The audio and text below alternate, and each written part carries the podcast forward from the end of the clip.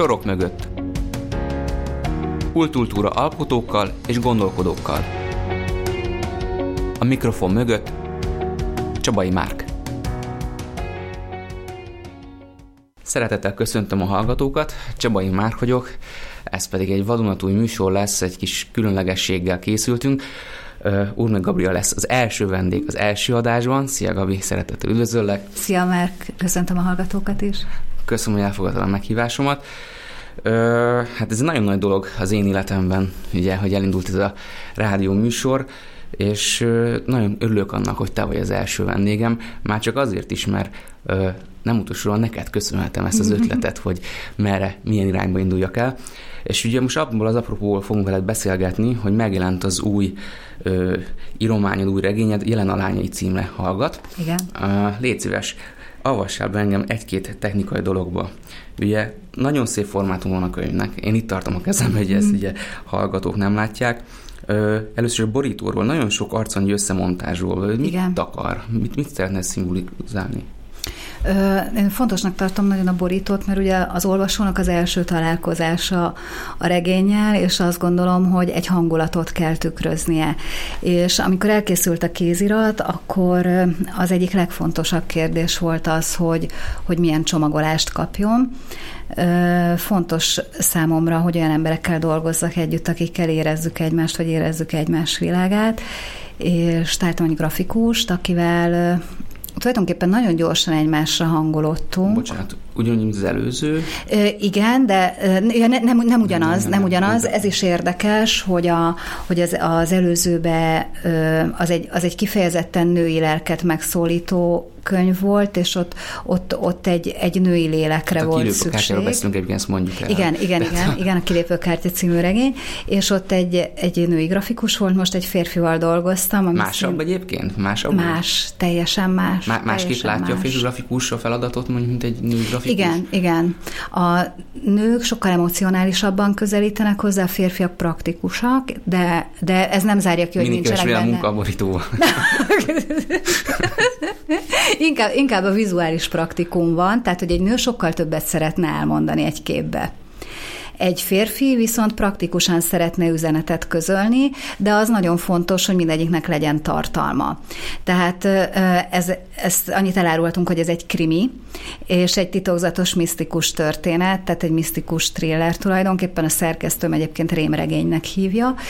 Tehát nem, nyilván nem lehet egy világos színű borító, nyilván kell valami titokzatosságot sugalnia, és férfi-nő történet, ezért fontos, hogy, hogy férfi és nő is megjelenik a borítón. Ami engem mindig nagyon érdekelt, hogy ugye közültan újságíró vagy, Igen. és hogy egy újságíróból hogy lesz egyszer csak író. Ugye ez hiába betűkkel dolgozik mind a két szakma. Én íróként mondom azt, hogy kicsit azért másabb mondjuk egy regényt megformálni, mint amikor újságcikkeket, interjúkat készítünk. Nehéz kilépni az újságírói szerepből? Nehéz be, nehezebb belépni az újságírói szerepbe. Érdekes, amit mondasz. Én, én is magamat író, íróként fogalmazom meg mindig, és mindig íróként gondoltam magamra. Én nem találtam azt az utat, hogy hogy amit én leírok, abból hogyan lesz könyv. Tehát én azt gondoltam, hogy a, a járható út az az újságírás, ami egyébként nagyon érdekelt, mert nagyon érdekelnek az emberek, nagyon érdekelnek a történetek, és ugye mi inkább megfigyelő ember típus, so, típusok vagyunk, tehát az írók inkább figyelnek, és ugye az újságírásban is ez ott van, hogy, hogy figyeled az eseményeket, hallod beszélni az embereket, és egyfajta szűrő vagy médiumként szerepelsz a történetben, ami egy sarkalatos pontja a két műfajnak, hogy, hogy íróként a fantáziát szabad, azt csinálsz, amit akarsz, teljes saját világot teremthetsz, és, és az tényleg egy olyan típusú szabadság, hogy csak a saját játékszabályaidnak kell megfelelned a történeten belül. Újságíróként viszont a tények vezetnek.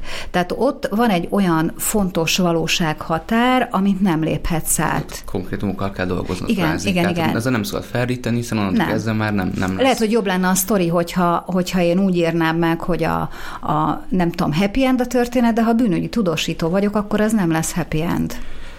Ami engem mindig is érdekelt, és meg sosem kérdeztem meg senkitől, de viszont te talán tudsz erre válaszolni, hogy amikor megfogalmazódik valaki, hogy ő regényt szeretne, könyvet uh-huh. szeretne írni, ő már előre eltervezi, majd ezután is, ezután is, hogy csak elkap a gépszíj, és akkor utána csak jönnek, jönnek, jönnek a könyvek, jönnek a gondolatok. Mert például nálam, annó 13 ezer, amikor megírtam az első regényemet, eszembe nem jutott az, hogy én ugye egyáltalán írni szeretnék, hogy valaha többet is fogok írni. Uh-huh. És hogy te ezzel hogy vagy? Te tudatosan építed föl magadban az írói énedet, és gondolkozó előre, hogy tudod, hogy itt van a lányai, nagyon jól fog fogyni a boltokban, nem. nagyon sok olvasód lesz, nem szeretni tudom. fogják, és már a következő könyvre készülsz, nem. vagy már az utánira. Ez hagyod, hogy csillapodjon benned? Ö, van, amikor párhuzamosan futnak a, a sztorik, és akkor, akkor, mint egy jó anyukának rendet kell tennem magammal, hogy, hogy most a jelen a történe érde, története érdekel engem, vagy amikor jelenet elkezdtem írni, akkor volt egy rivális sztori a fejembe egyébként Na, és ez érdekes. A, ő most megint háttérbe szorult, ez egy cirkuszi történet, és, és ott valami olyasmi az alapsztori, hogy, hogy a cirkuszban szerintem titkos ügynökök dolgoznak, nem tudom, hogy te erről mit gondolsz, de szerintem az egy nagyon jó terep. Tehát a cirkuszi művészet az az, ahol nemzetközi, nagyon sokféle ember jön, és ugye milyen James Bond, ügyes, nagyon jó fizikai állapotban van, nagyon ravasz, tehát lehet akár légtornász vagy bűvész, úgyhogy, úgyhogy az én fejemben valami ilyesmi motoszkált, a cirkusz és a titkos ügynökök, titkos ügynökbázis. És akkor ezt a sztori szorította ki jelen a története, mert, mert folyamatában születnek benne, meg bennem a karakterek. És akkor a cirkusz parkolópályára került. Most jelenát útjára engedtem, ugye ő most már megvásárolható, elolvasható, most már van egy másik történet a fejemben, amin dolgozom, de érdekes, hogy az is kiszorította a cirkuszt. Hm. Tehát, hogy valahogy... Ez, ez még nem ért meg benned valószínűleg. Valószínű, tehát valószínűleg csak egy jó ötlet. Igen, igen. Nekem is volt ilyen kéziratom, például a legutóbbi regényem, három évig ültem a sztorin. Tehát három évvel ezelőtt uh-huh, tudtam, igen. hogy ezt meg kell írni, de még mindig, mindig valami utolsó apró kis szösszenet hiányzik hozzá, de amikor viszont megtalálom azt a bizonyos pontot, ami libikokászt mond, na vajon hozzákezdjek el megírásához, akkor jön a gépszi, és, és meg sem állok a végéig. Igen, tehát szerintem ez olyan, hogy, hogy, hogy, hogy szerintem mindannyiunknak Bibliája Stephen King valahol, és hogy, hogy ő mondta azt, hogy... Minden háztatásban van egy példány. Igen, és, és hogy, hogy az, az, író, az íráshoz, az írósághoz kell egy kis flúg. És erről én azt gond, pont, pont ezt a flúgosságot gondolom én a sajátunknak, amit te is mondasz, hogy amikor így bekattan, és elkap a gépszíj, és rápöröksz a sztorira, nem? Vagy valami ilyesmi. Köszönjük szépen, hamarosan folytatjuk. Dunakanyar FM 94.1 A hullámok hullámhosszán Kedves hallgatóink, újra itt vagyunk Urmai Gabriellával, és a jelen a Lányai című kötetéről, annak munkálatairól, előzményekről és jövőről beszélgetünk. Uh, ott tartottunk előbb, hogy a Facebook oldalon láttam egy nagyon érdekes videót, ez egy könyvtréler volt. Mm-hmm. Először is, mi az, hogy könyvtréler? Egy könyvhöz hogy lehet egy, kapcsolni egy videót, és, és mire jó ez egyáltalán? Ö, fontos felkelteni az olvasóknak az érdeklődését, és annyiféle inger éri az embereket, hogy hogy mindenféle eszközzel jelen kell lenni. És egy könyvről nagyon nehéz beszélni íróként, mert ugye két dolgot tudsz tenni, az egyik az az, hogy arról beszélsz hosszasan, hogy hogyan készül a könyv, de hát az valószínűleg az emberek 70%-át nem érdekli. A másik a könyvnek a tartalmáról beszélsz, ott meg nagyon kell vigyázni, hogy mennyit spoilerezel el. És a, ez a book movie, ez egy nagyon érdekes műfaj, ez egyébként Európában jelen van, de gondolom ezt te is ismered meg, te is csináltál már ilyeneket. Ó, csak, már nagyon régen egyszer. Csak valahogy nálunk ez nem, nem törte át a fal alatt. Ez, egy, ez tulajdonképpen a reklámfilm és a filmes trélernek a keveréke, a szerelem gyereke, ami egy lenyomatot ad, érdeklődést kelt fel, és egy közös gondolkodásra hangol az olvasóval. És ebben mennyi információ, inf, mennyi információ, bocsánat, mennyi információ tudsz átadni egy olvasónak? Mert, bocsánat, mert egy thrillernél, ugye, hogy gondoljunk egy filmes thrillerre, ott azért nagyon-nagyon spoilerezni lehet vele, tehát azért nem mindegy, hogy milyen pillanatokat ragadsz ki egy, egy, egy ilyen műsorba, de milyen hosszúságú például? Ugye ez egy online műfaj, tehát itt nagyon kell vigyázni arra, hogy két percnél hosszabb ne legyen, mert nem nézik végig az emberek. Ez a rövid snitteknek a nyelve, röviden kell beszélni. Két választási lehetőséged van ilyenkor mindig. Az egyik az az, hogy, hogy fölvázolsz valami jópofa hangulatot, mint egy ilyen csemegeboltba, és felkelted az érdeklődést, és akkor, akkor ez a feeling húz be. A másik meg az, hogy határozottan megfogalmazod a karaktereket, és pontosan úgy kezeled a saját történetedet, mint egy filmet. És mm, nem szabad, én azt gondolom, hogy nem szabad abba a hibába beleesni, hogy ez a mindenhez is értünk, tehát ehhez szakemberek kellenek, János. és meg kell keresni azokat. Kvázi a, rendező. Igen, meg kell keresni azokat a társművészeket, akik, akik ebben részt tudnak venni, akik egyébként ezt nagyon szeretik, mert nagyon izgalmas számukra az, hogy itt például nincsenek, többnyire nincsenek párbeszédek, hanem zenei aláfestéssel mennek ezek a kisfilmek, de, de van, aki leforgatja teljesen úgy, mintha egy filmbeli jelenet lenne és Léci segíts elképzelni ezt az egészet, ezt, ezt hogy kell magam előtt látni. Te, mint író, kimész, mondjuk dramaturgént is közreműködsz például, ott egy kis tábbal fölálltok, előre megbeszéltek, kitaláljátok, hogy mi hogy történjen, és ez rendes, mint egy filmforgatás. Igen, igen, igen, pontosan ugyanúgy. Ebbe komoly beleszólásod van neked is, tehát te le, leasszisztálod az egészet, vagy, vagy itt tényleg ki van osztva mindenkinek a feladat, és tudja, Ö, mit kell csinálni. Ennél, ennél a filmnél olyan szerencsém volt, hogy hogy tulajdonképpen találtam egy ilyen egyszemélyes őstehetséget, nem tudok rámondani, teljesen véletlenül tanáltam meg, az Instagramon elkezdtem követni egy drónfotóst. Nagyon tetszettek a képei. És akkor egyszer ráírtam, hogy, hogy figyelj, én már itt egy ideje lájkolgatlak, és hogy én egy, egy író vagyok, nekem most lesz egy könyvem, és, és már egy, egy könyvem, meg, vagy az előző könyvemhez már készült ilyen book movie, átküldöm neked, hogy, hogy az hogy nézett ki, és hogy szeretnék valami ilyesmit csinálni. És akkor ő reagált, hogy ez neki tetszik, találkozunk, találkoztunk.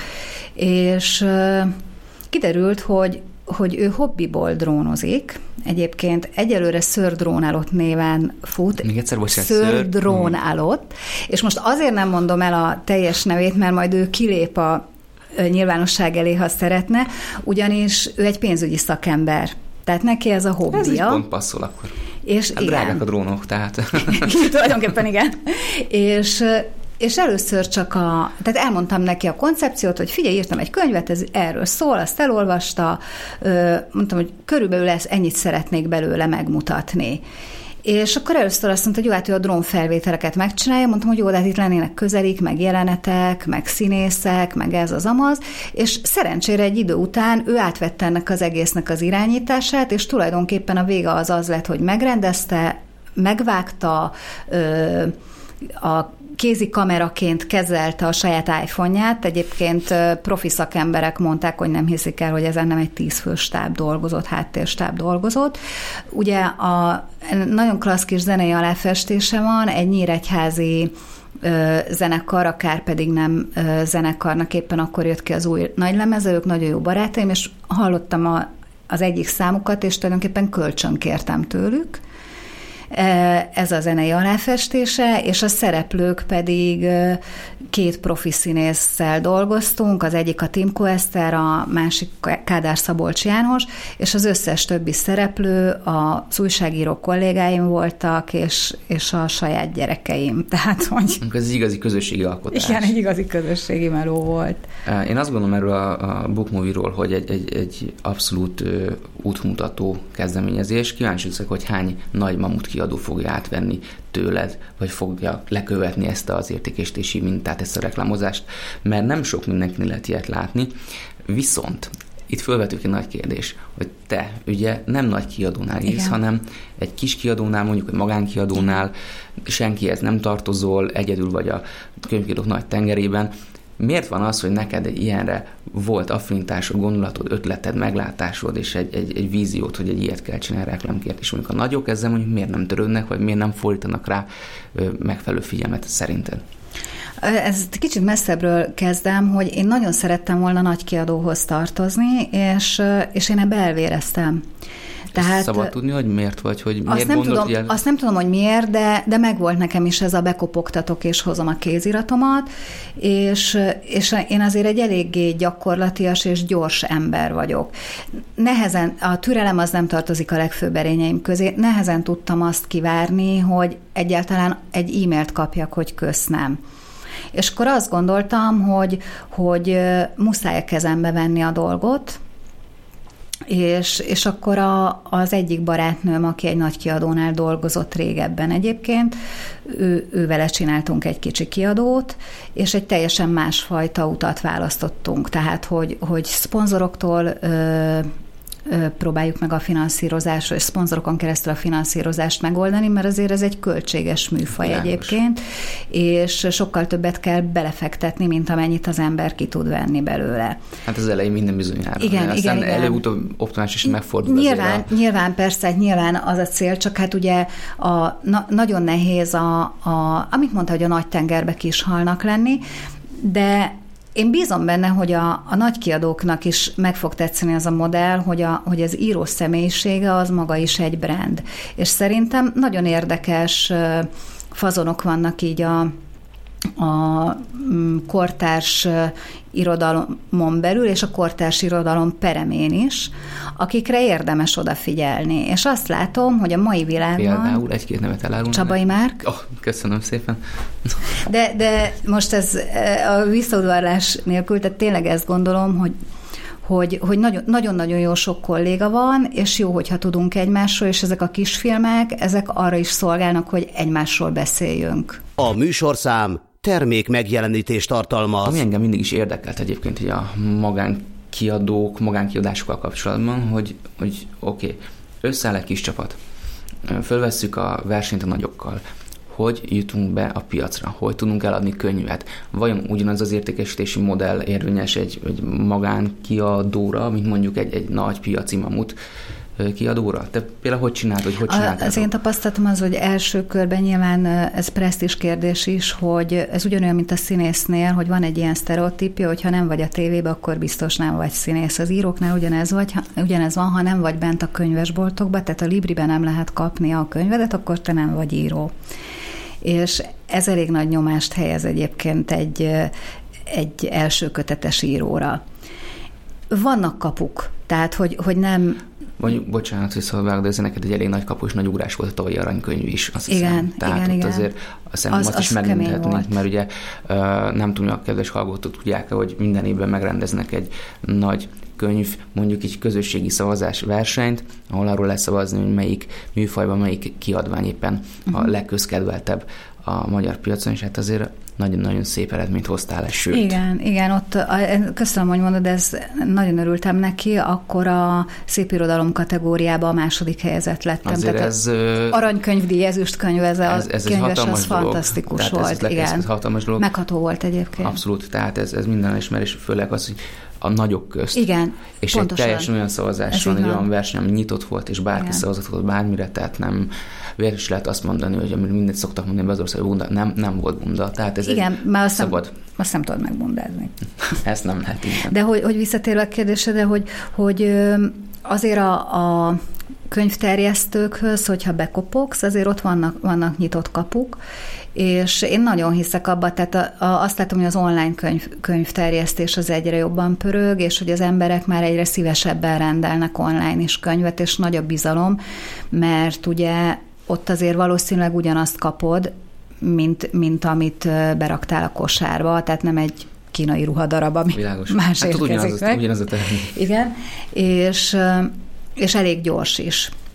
De, de most azt látom, hogy egy harmadik piac is kezd megnyílni, és kis kiad, vagy magánkiadóként az a legjárhatóbb a közvetlen kapcsolattartás az olvasóval, tehát akár Facebook oldalon keresztül is, a szerzői oldalamon keresztül is jönnek megkeresések, és kérnek dedikált példányt. És te mindenkinek tudsz válaszolni, van rá elég időd?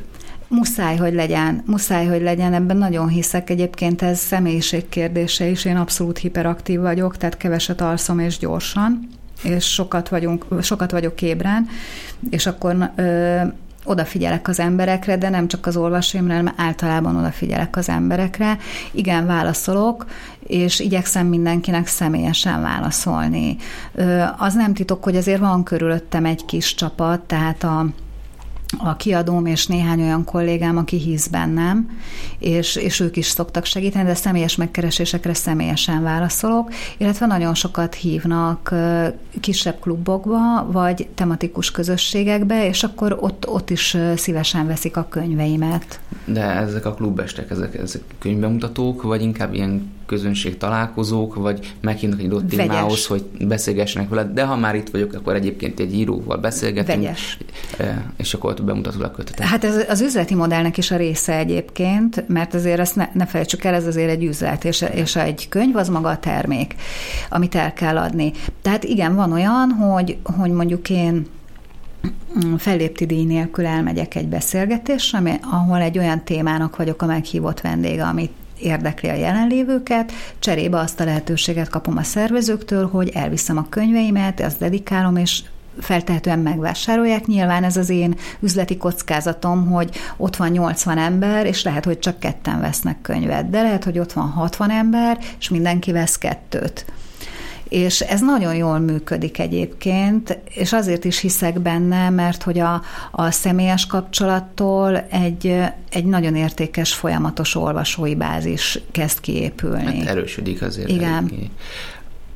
Mindig azon gondolkodtam egyébként, hogy amikor így vagy hol van az a határ, ahol egy író az olvasójával még, még, még azt lehet mondani, hogy megvan köztük az a kapcsolat, hogy író-olvasó, de már barátság. Hogy neked, neked vannak ilyen nagyon extrém közeli olvasóid, akik már, már inkább már barátként tekintesz rá, tehát átfordult már nálad a én ebben ez látszólag nagyon nyitott személyiség vagyok, és nagyon határozottan meghúzom ezeket a, a vonalakat, és tudom, hogy erre, erre szükségem van a saját és az olvasóim védelmébe is. Ebbe azért van háttértapasztalatom. Tehát én, én évekig dolgoztam színházba színészként, a férjem színész, a, az egyik gyerekem gyerekszínész, és, és nagyon sok ismert ember van körülöttem, és látom ennek a hátrányait. Erről te is tudnál mesélni hosszasan egyébként, hogy, hogy, hogy ez nem csak, nem csak előnyökkel jár, hogyha túl közel engeded magadhoz azokat az embereket, akik ismerni vélnek téged. Tehát nagyon nagy a felelősségünk, nem csak a társadalmi, hanem a személyes felelősségünk magunk és a családunk iránt.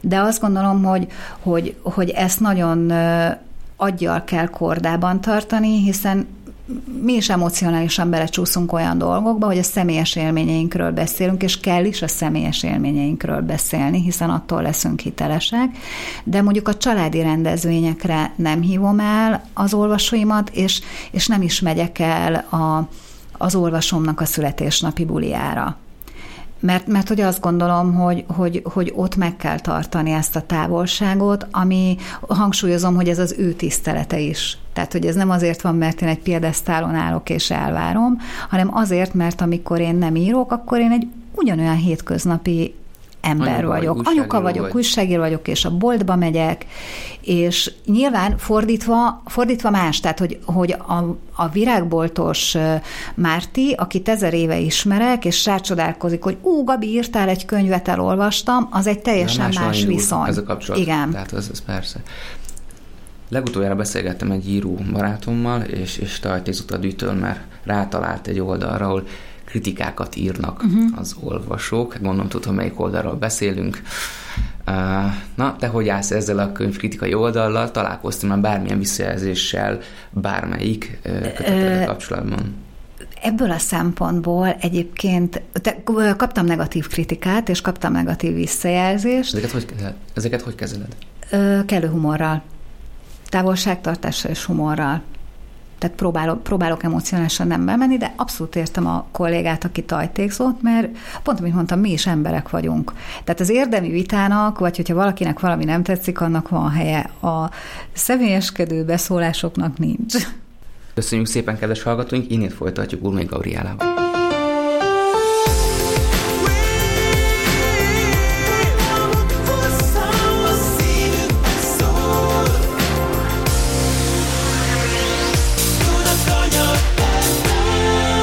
Üdvözlöm Önöket itt a műsorban, vendégem Urmai Gabriella, és hát ott tartottunk, hogy az előbb, hogy könyvkritikák, online könyvkritikák, először is. Ki ír szerinted online könyvkritikát? Hűha, ez egy jó kérdés. Vajon olyan emberek írnak, akik ő maguk egyébként írnak könyveket, vagy sokat olvasnak, vagy azt hiszik, hogy értenek hozzá, vagy ennek így a nagy masszája, vagy bárki, hiszen internet, massza. internet szabadsága, ugye? Internet szabadsága, meg a, a, ugye az interneten mindenkinek lehet véleménye, és el is mondja. És ezt mindenkinek el kell fogadni, és el kell tűrnie, ugye?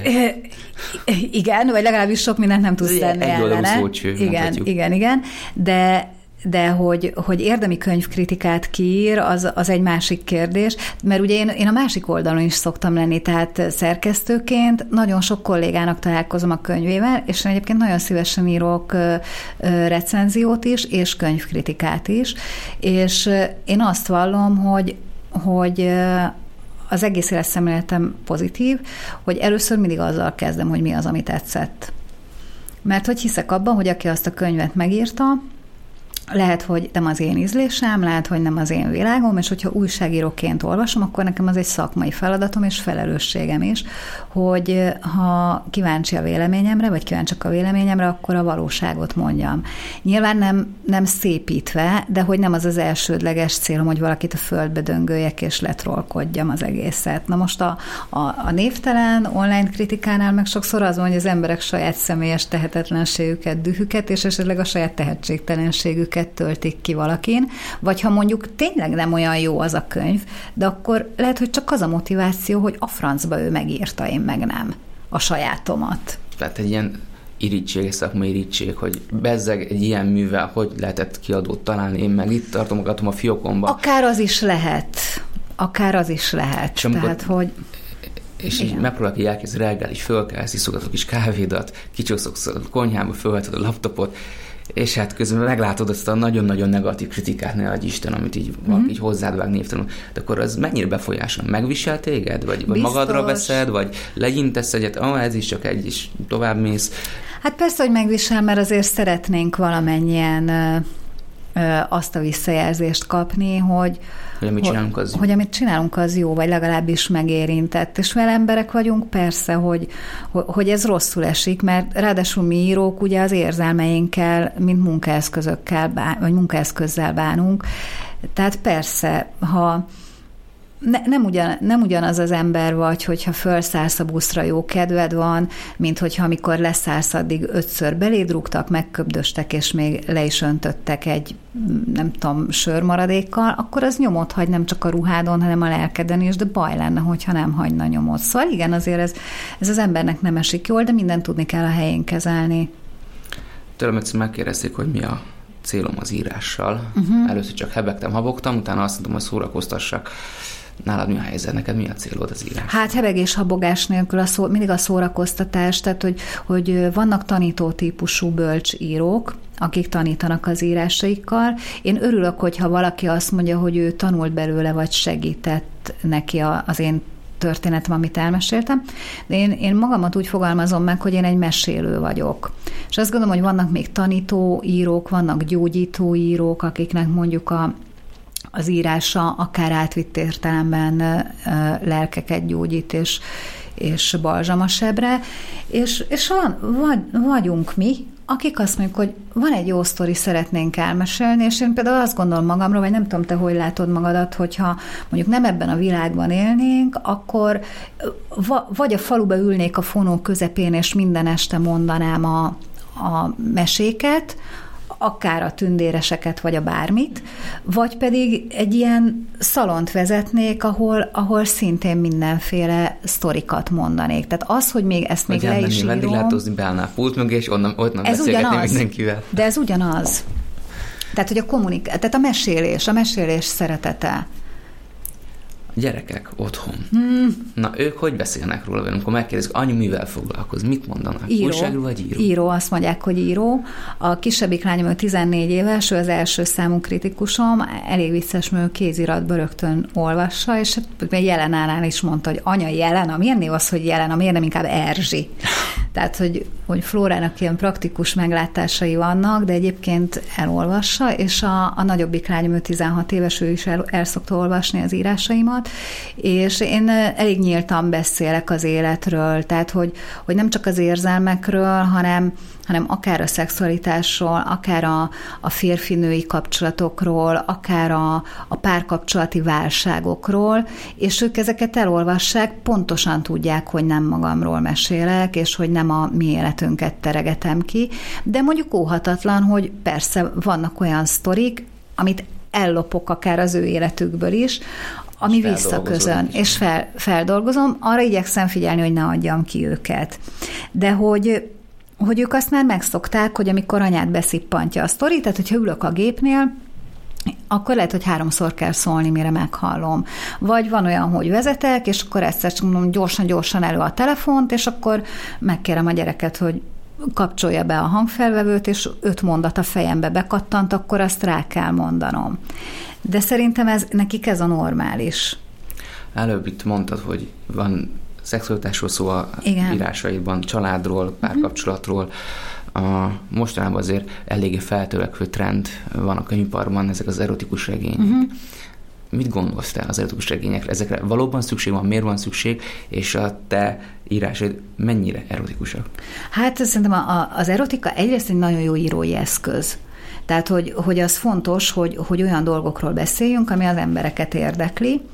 Másrészt egy nagyon trendi téma, és egy nagyon jó terep arra, hogy, hogy ami a, a mai világban van, hogy ez a, a, a test, test, lélek, szellem hármas egysége, azt egy elég pikáns módon körbe lehet vonni. Tehát én azt gondolom, hogy az erotikáról lehet beszélni, és kell is beszélni.